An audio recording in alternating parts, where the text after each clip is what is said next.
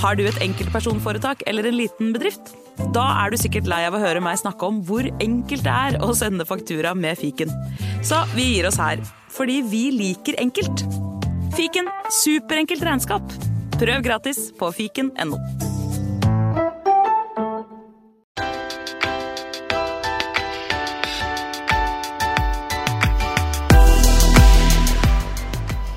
Velkommen til Pengesnakk podkast. Jeg heter Lise Wermli, og jeg håper du har likt de fire lytterintervjuene. De fire siste ukene så har podkastlyttere vært på besøk hos meg i studio og delt om sin økonomiske reise, sine tanker. Etter dagens episoder så kommer det litt andre intervjuer og episoder, men jeg er også i gang med å invitere flere av dere som ville være gjest. For jeg elsker å prate med dere, og også dele disse pengepratene med dere lyttere igjen. Jeg vet mange setter pris på de episodene. Hvis du ikke har hørt, så er det de fire før her, med Lea, Kjell Åge, Reka og Guru. Og så hadde vi seks lytterepisoder i fjor, eller rundt jul 2022 og februar 2023, blir det vel. Anbefaler å gå tilbake og høre på de historiene og tankene. Også du, trykk abonner på podkasten, så dukker fremtidige episoder opp hos deg uten at du må søke på pengesnakk hver eneste uke. Er du glad i å spare? Flink til å spare? Lurer på hva ditt neste mål skal være? Så har jeg et forslag til deg. Målet ditt er å dø med null kroner på konto. Det er konseptet i boka Die with Zero, skrevet av Bill Perkins, Getting All You Can From Your Money and Your Life. Den boka har vært februarlesing i Pengesnakk bokklubb, Link til marsboka og diskusjonsforumet vårt ligger i episodebeskrivelsen hvis du vil være med videre i bokklubben, eller også diskutere den boka her, Die with Zero, om du har lest den, eller bare basert på det jeg skal fortelle deg i dag, for det er interessante tanker. Eller hva føler du når du hører at målet skal være å dø med null? For meg, eller det føles jo litt kontroversielt på en måte, Spesielt for oss eh, sparere som tenker at det alltid er lurt å legge til side penger. Men tenk sånn her. Et av poengene hans. Hvis du dør med en formue på én million kroner, da er det opplevelser for én million du har gått glipp av. Eventuelt så har du jobba et par år helt bortkasta. Du kunne heller hatt fri, levd livet. Så gir det mer mening, da? Vi skal ta det liksom steg for steg. Hva er det han egentlig mener? Han har lest uh, Your Money and Your Life, den boka som også er en av mine favorittøkonomibøker, en gammel uh, bok. Der er et konsept at penger er life energy. Fordi du bytter inn din life energy, altså tiden du går på jobb, og kanskje også kunnskap og krefter, i å tjene penger. I den boka er jo da poenget at du skal være innmari nøye på hva du gidder å bruke pengene dine på, fordi det er jo faktisk din livsenergi du bytter bort. Er det verdt det? Bill Perkins, som har skrevet Die with Zero, han er enig i konseptet, men mener heller at du skal bruke pengene på mest mulig skal si, høyverdige opplevelser, og å gjøre de tingene i riktig alder. Og det er jo det som er så interessant. Når i løpet av livet skal vi bruke pengene våre? Og det glemte jeg å si innledningsvis, denne boka er helt klart skrevet av noen i en privilegert situasjon, og som antar at alle tjener og sparer så mye at de dør med en formue. At det er det som er liksom defaulten. Eh, og dette gjelder jo faktisk for mange i Norge, men vi må bare huske på at det ikke gjelder for absolutt alle. Rådene hans er ikke gyldige i det hele tatt for deg som sliter økonomisk, for deg som akkurat får det til å gå rundt, eller som kan komme til å oppleve noe en krise økonomisk. Da er rådene hans rett og slett utrolig dårlige, spesielt noen av dem. Han sier for eksempel uh, at hver dollar Krone, vi får ta det på norsk. Hver, altså alt av penger du bruker, får du mer ut av når du er ung enn når du er gammel. Og det kan man jo være enig i. For eksempel hvis du skal ut på en reise. Hvis du er ung, så kan du bo på et uh, hostell med tolv andre, du kan reise på dårligere busser, men hvis du utsetter den reisen til La oss si du er 75 år gammel. Skulle du tatt den samme reisen til eh, Asia, eller hvor du nå drømmer om, Du måtte hatt mye bedre sovefasiliteter. Du måtte hatt en helt annen type reise og plan om du i det hele tatt får det til å ta en sånn type reise. I tillegg har han et annet poeng om hvorfor man skal gjøre disse tingene tidligere i livet istedenfor seinere, og det er at også opplevelser forrenter seg. Akkurat som penger i banken, eller i hvert fall investerte penger, blir større over tid, så mener han at minnene våre av opplevelser også gjør det. At hver gang vi tenker på det, så blir opplevelsen litt mer verdt. Hver gang vi viser bilder til venner, eller snakker om det, eller gir andre råd som skal reise liksom i samme område. Gjør du reisen som 25-åring, så har du også minnet i flere år, og det kan komme til å forme livet ditt positivt, fremfor at du venter og venter og kanskje ikke engang får reist. Og om du gjør det, så har du færre år med minner etterpå. Så det er et tankesett å ha med seg når vi tenker på pengebruk, jeg er helt enig i det. Tenk for eksempel på kjellerutbyggingen, som Tom og jeg gjør. Det bruker vi millioner av kroner på nå. Og det er lett også for meg å tenke at åh, det er så mye penger. Men la oss si vi skulle ventet. At den kjelleren skulle være en råkjeller i 10-15 år til, til vi da hadde enda bedre økonomi. Og da ville jo ikke bare renoveringen ha kostet mer, fordi pengene er mindre verdt om 15 år, men vi hadde også hatt mindre bruk for den kjelleren. Det er jo i de åra med barn hjemme at vi ønsker oss alt det. Ikke når de flytter ut. Da vil vi kanskje heller downsize. Ikke sant? Så ved å bruke de pengene tidligere, altså nå, så får vi flere år med den komforten, eller hva man skal kalle det. Men der jeg må si meg så uenig med Bill Perkins, er han drar den så langt som å si at i 20-åra så burde man ikke bare ikke spare, fordi han sier det er mye lettere å spare i 40-åra. Men han sier at du skal bruke mer penger, til og med mer enn man tjener. Må gjerne ta opp lån, fordi det er jo i den alderen man får mest og best opplevelser for penga, og man har flere år etterpå å leve på de opplevelsene.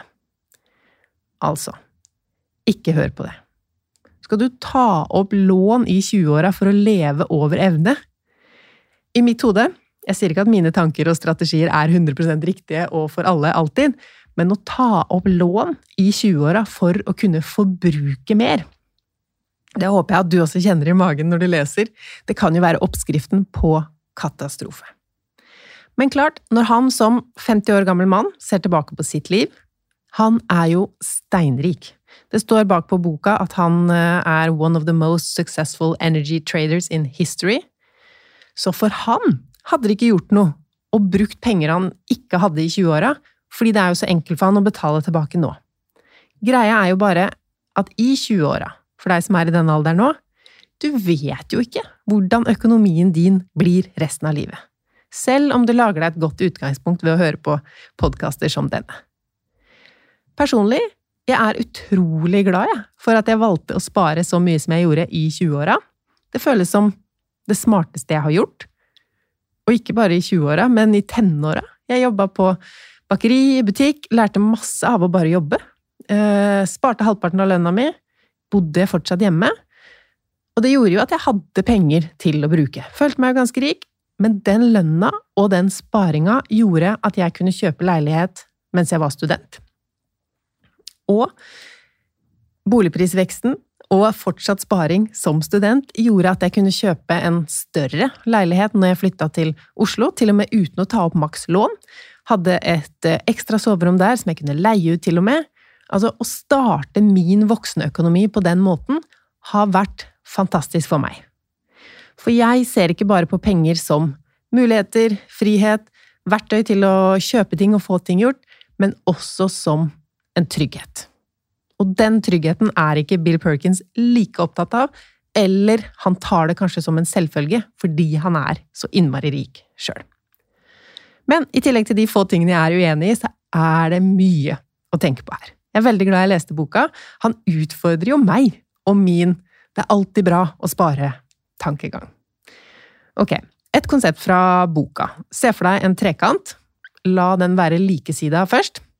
Du som trodde det ikke var noe vits i å lære geometri på skolen, snart skal jeg bruke ordet likebenet, så brace yourself. Men den likesidede trekanten har tre sider, og en av de representerer penger, en av de representerer tid, og en av de representerer helse. Så er det sånn at den trekanten for de fleste ikke er sånn likesida for alltid. Den endrer seg i løpet av livet. Når du er ung, så er den likebenet, altså har én kort side, og det er den siden som representerer penger. Du har ikke masse, masse penger når du er 20 eh, år, mens helse for de fleste er god, det er en lang strek, og tid er ganske lang. Ser du det for deg? Og så, når du er over i min alder, så begynner penger å bli en litt lengre strek, mens helse begynner å gå nedover. Eh, og samme med tid, fordi vi jobber typisk mye i den livsfasen, har familie eller andre forpliktelser, så den er mer likesida igjen. Og så blir vi eldre. Når vi er over 60, så har veldig mange mer enn nok av penger, og så har vi mer tid igjen. Vi har samla opp penger hele livet, vi har ikke barn hjemme kanskje, vi jobber mindre eller er pensjonister, men helsedelen av trekanten begynner å bli ganske kort. Hva er det som gjør det mulig å ha de beste opplevelsene?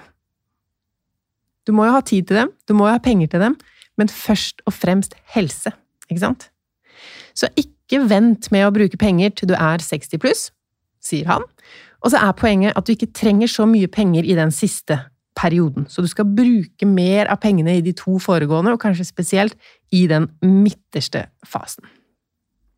Så det underliggende i boka, som jeg er så enig i, det er at vi skal ta mer aktive valg, og ikke la hele livet vårt gå på autopilot, og bare gjøre det som man gjør. ikke sant? Man går på jobb, tjener penger, sparer en del av det, og så ikke tenke på hva er det jeg vil at pengene skal gjøre for meg, hva kan de gjøre for meg, hvilke opplevelser bør jeg ha eh, tidligere i livet.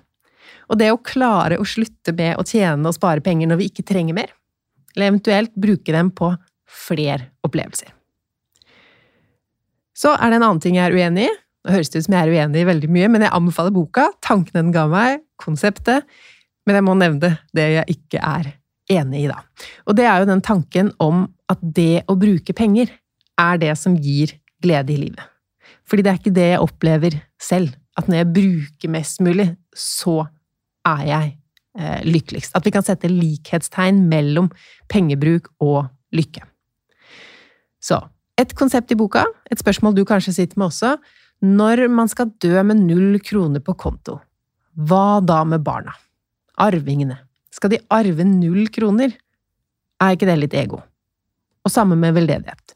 Noen gleder seg til å testamentere bort penger til en sak når de dør. Og han sier rett og slett, vet ikke om jeg kan være helt enig i det, at eh, du er heller ego hvis du dør med penger. Ønsker du å være raus, så er det mye bedre å være det på eh, et tidligere tidspunkt. Fordi hvis du dør med penger, så er det som å la en eh, tilfeldig sum bli delt ut til tilfeldige mottakere på et tilfeldig tidspunkt, som jo er det som skjer når du dør.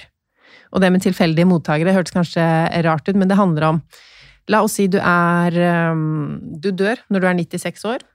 Du har fem unger. Men har du blitt nesten 100 år, så kan jo en eller flere av arvingene dine allerede være døde. Eller enda tidligere. Gjennomsnittsarvingen arver penger etter at de er fylt 60 år, noen til og med etter 70. Hva kan du gjøre med den arven, eller hva kan barna dine gjøre med den arven? Eller hva kan den arven gjøre for dem? For å være helt ærlig, og her er jeg også enig med Perkins, omtrent ingenting. Hvis barna dine har um, en helt normal økonomi, så er ikke det optimale tidspunktet å få en sum med penger når du er 60-70 år. En tid der pengene har en mye større effekt på livet ditt, er jo når du er rundt 30 år. Da gjør selv en mye mindre sum en mye større forskjell.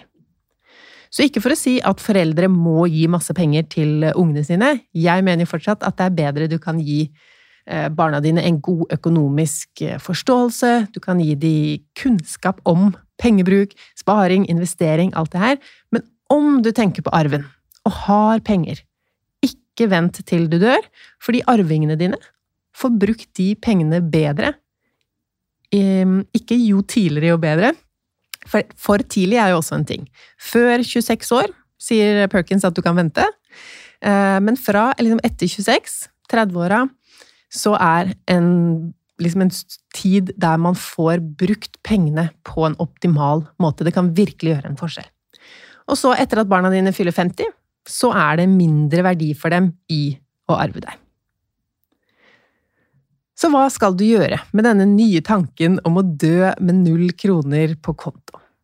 Et konsept han beskriver i boka, handler om å dele inn resten av livet ditt i bøtter på fem år. Så for meg så er jo den neste bøtta Nå fyller jeg snart 37, så da blir det 37, 38, 39, 40, 37 til 41. Og så kommer 42 til 46, og så 47, 48, 49, 50 til 51. Videre. Mange bøtter som jeg kan eh, tegne opp på et ark, kanskje. Og så skal man skrive opp hva slags opplevelser og hva slags fokus skal jeg ha i de livsperiodene. Så dette er en øvelse jeg syns vi skal gjøre alle sammen. Fordi det er ting du kanskje tenker en eller annen gang i løpet av livet mitt, så skal jeg gjøre det. Er det å ta den skituren til Alpene eller en annen type reise? Vil du starte keramikkbutikk eller et annet firma? Har du tanker om eh, å skaffe deg hund? Eller du veit selv hva du drømmer om. Det er faktisk for de fleste ting tidspunkter som er mer ideelle enn andre. Og spesielt ting du trenger en bedre helse for. Den skituren, når du er eh, eldre, så er den kanskje ikke mulig å utføre. Eller du får ikke like mye eh, Altså, har du dårlige knær, da, så er ikke den like kul som om du gjør det tidligere i livet. Og når du fyller opp disse bøttene dine på denne måten, så ser du også at du kan ikke vente med alle opplevelser du vil ha i løpet av livet, til de siste bøttene som er etter pensjonsalder, når du har bedre tid og god økonomi. Du må finne ut hvordan kan du få til ting nå, istedenfor å utsette alt. Så bruk pengene dine til å få mer ut av livet. Ikke gå på autopilot og jobb og spar mer enn du noen gang kommer til å trenge. Ikke utsett det du kan eh, få bedre opplevelser ut av å gjøre nå. Og gi til barna og veldedighet tidligere i livet ditt hvis du har lyst til å gi. Da får du jo også oppleve å se at de pengene får eh, nytte ut av seg enn om du venter til etter du er død, så får du ikke med deg hva de pengene kan gjøre for andre, og som vi snakka om, det, effekten blir mindre. Og så må vi finne tidspunktet der det ikke er noe poeng for deg å spare mer. Et tidspunkt i løpet av livet Vi bygger jo opp pengesekken vår når vi er unge, i hvert fall syns jeg det er smart, og det ikke Bill Perkins snakker om i det hele tatt, er jo det med bolig, å eie sin egen bolig. Hvordan skal man spare til det? Hvordan skal man eh, Hvis man ikke da sparer noe i 20-åra og skal begynne å bruke mer i 30- og 40-åra, når skal man få spart til bolig? Det kan jo hende dette er Nei, amerikanere har jo også egen, at de eier egen bolig. Så det er liksom ikke en del av boka i det hele tatt, men det er jo det for de fleste av oss. Så vi sparer. Vi begynner kanskje på null, de fleste av oss begynner i hvert fall rundt der et sted. Og så sparer vi og bygger opp formuen vår. Vi bygger opp tryggheten vår, vi bygger opp så vi har et sted å bo. Begynner å investere i fond, kanskje. Andre sparekontoer, vi har bufferkonto, økonomien Vi begynner å tjene mer når vi har mer erfaring i jobben vår. Så når er det tidspunktet hvor denne oppoverkurven, hvor vi faktisk skal slutte å spare, og heller begynne å bruke av formuen vår? Og det føles litt skummelt, syns jeg. Eh, så det var helt klart en bok det var bra for meg å lese. For det går jo tilbake til hva er målet? Og det er jo ikke å bli så rik som mulig. Selv jeg skjønner jo at det ikke er noe vits i å fortsette med å spare mer og mer, sånn at den formuen bare blir større og større og større, hvis jeg aldri har tenkt til å bruke de pengene. Fordi målet er ikke å bli så rik som mulig, men å ha et best mulig liv. Så hva er et best mulig liv? Definer det for deg selv. Putt det inn i disse boksene når du skal gjøre de ulike tingene. Og husk at kanskje er du enig med meg om at det er ikke høyt forbruk som gir oss det beste livet. Og at alle tankene fra den boka kan også brukes til å finne ut at man kan jobbe mindre. som jeg sa innledningsvis, hvis du dør med én million kroner på konto, så er det én million i Altså, du kunne kjøpt deg opplevelser, reiser, øh, hva som helst for den millionen, og det går du jo glipp av hvis du dør med pengene på konto. Eller vi kan ta den andre siden av det, at du hadde aldri trengt å spart den millionen. Du hadde aldri trengt å tjene den millionen. Eh, så du kunne kanskje hatt flere år hvor du kunne hatt fri, nytt livet, kanskje jobba med noe som ga deg mer følelsen av å bidra i samfunnet, men som ikke ga deg lønn, eller ikke ga deg like mye lønn.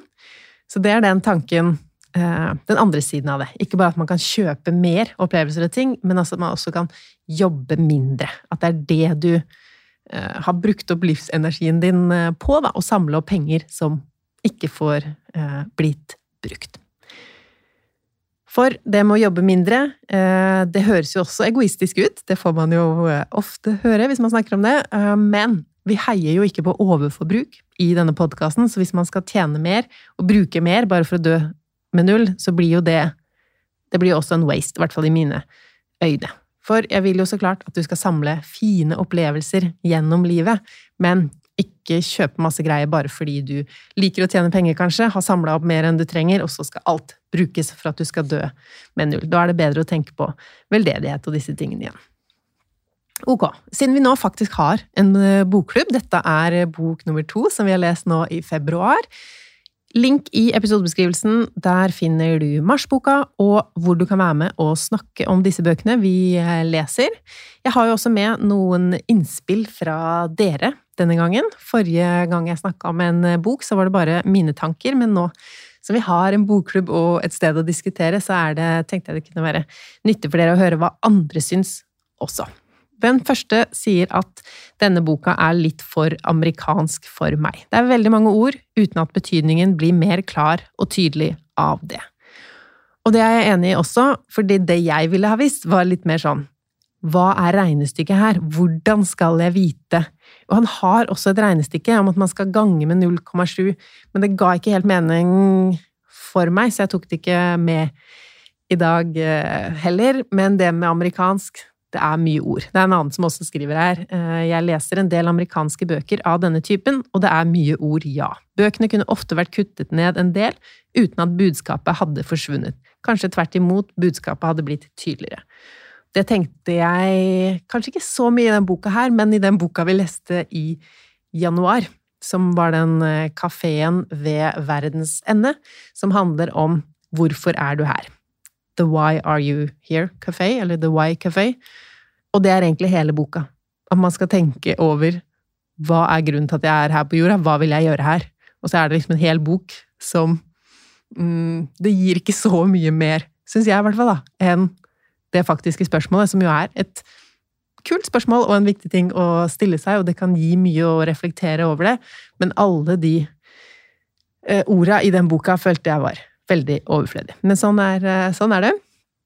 I den boka her så syns jeg tankegodset allikevel er så interessant, selv om noen av eksemplene er veldig sånn satt på spissen. Han skriver um, om en som skal dø om tre måneder. Hvordan da vil man levd livet? Og det er jo kanskje interessant å tenke på. Man har jo kanskje alle fått det spørsmålet. Hvordan ville du brukt denne dagen hvis du visste at du skulle dø i morgen? Og så kan man dra det videre og videre. Hva, hvis du hadde én uke igjen å leve? Hvis du hadde tre måneder igjen å leve? Hvis du hadde ett år igjen å leve? Og bli oppmerksom på at vi skal faktisk dø en dag. Og hvilke opplevelser vil vi ha? Um, vi kan jo ikke leve hver dag som om vi skal dø i morgen. Vi må jo planlegge framover. Men bare det å vite at det er på en måte en klokke som tikker. Det er et bestemt antall dager, selv om vi ikke veit hvor mange. Og vi får kanskje mer ut av livet ved å ikke late som vi skal leve for alltid. En annen ting med eksemplene er jo at det er multimilliardærer han snakker om. Det er øh, folk som da burde ha brukt mer tid med familien sin, eller angrer på det. Men det er ikke et valg alle har. Mange må ut og tjene penger, øh, og ikke kan velge. Ja. Et annet bokklubbmedlem sier likte så godt dette han sier om å bruke pengene når vi kan, og gi bort pengene når vi, de vi vil gi det bort, trenger det. Boken gjorde at jeg satte pris på at jeg brukte mye penger på reise i 20-åra, fordi det ga meg så mye i minnebanken. Dette har jeg tidligere ergret meg for, etter å ha startet med fond. Og at livet har flere faser i forhold til opplevelser og pengebruk. Ikke vent til du er pensjonist med å bruke pengene. Ja, så det kan jo fungere litt som en trøst til dere som tenkte at å, jeg skulle begynt med å spare tidligere. Hva gjorde jeg egentlig i 20-åra? Kanskje har du mye flere minner i minnebanken enn hva eksempel jeg har. Selv om jeg tenker at jeg er fornøyd eh, med mitt liv, så var det det var få reiser, for å si det sånn. Jeg har tre innspill til til boka før vi runder av. En annen som sier at jeg likte denne boka veldig godt. Eh, det er en som har lest den ikke nå, men tidligere i livet. Jeg endret hele spareraten min etter å ha lest den, og tok en lang prat med foreldrene mine om arv. Og sparerate, for deg som ikke er kjent med det begrepet, det handler om hvor mye av inntekten sin man sparer. Har man, eh, sparer du halvparten, så er spareraten 50. Sparer du 10% så er spareraten 10. Så det er det som det ordet betyr. Jeg hadde en veldig høy sparerate, skriver hun videre, og det meste havnet i indeksfond med evig sparehorisont. Etter å ha lest boka endra jeg tidsperspektiv, og særlig endra jeg vekting mellom tid og penger. Så jeg har for eksempel tatt på meg færre arbeidsoppdrag, mannen min jobber mindre overtid, og vi bruker mer penger på opplevelser i fritiden. En annen som sier jeg anbefaler boka, jeg sparer ca. like mye som før, men koser meg med bedre samvittighet med den luksusen jeg unner meg. Det tenkte jeg på i går òg, når jeg skulle kjøpe pesto på butikken. Så tror jeg det var på grunn av den boka her at jeg istedenfor å kjøpe den billigste, kjøpte den dyreste. Altså den ordentlig dyre pestoen. Så da ga jeg meg selv en livsopplevelse nå mens jeg var ung, så får vi se hvordan den utvikler seg i minnebanken, om jeg eh, koser meg med de minnene når jeg er 75 år. Og det er vel noe med at smaksløkene blir dårligere over tid, så at jeg faktisk hadde mer glede av å spise den dyre pestoen nå denne uka enn når jeg er 75. Ok, var det en til her? Ja. Jeg likte at boka hadde så gode eksempler på hvordan livet ikke er likt når man er 30, 40 eller 50.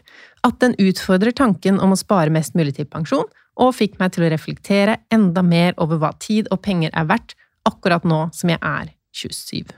27 sa jeg, men det står 29. Ja.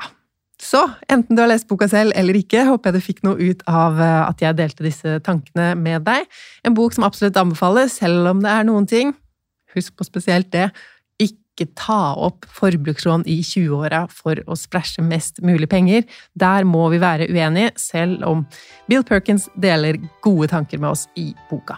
Takk for følget i denne episoden her. Trykk på abonner i podkasten på podkasten, om du hører i eh, Spotify eller på iTunes eller hvor du hører.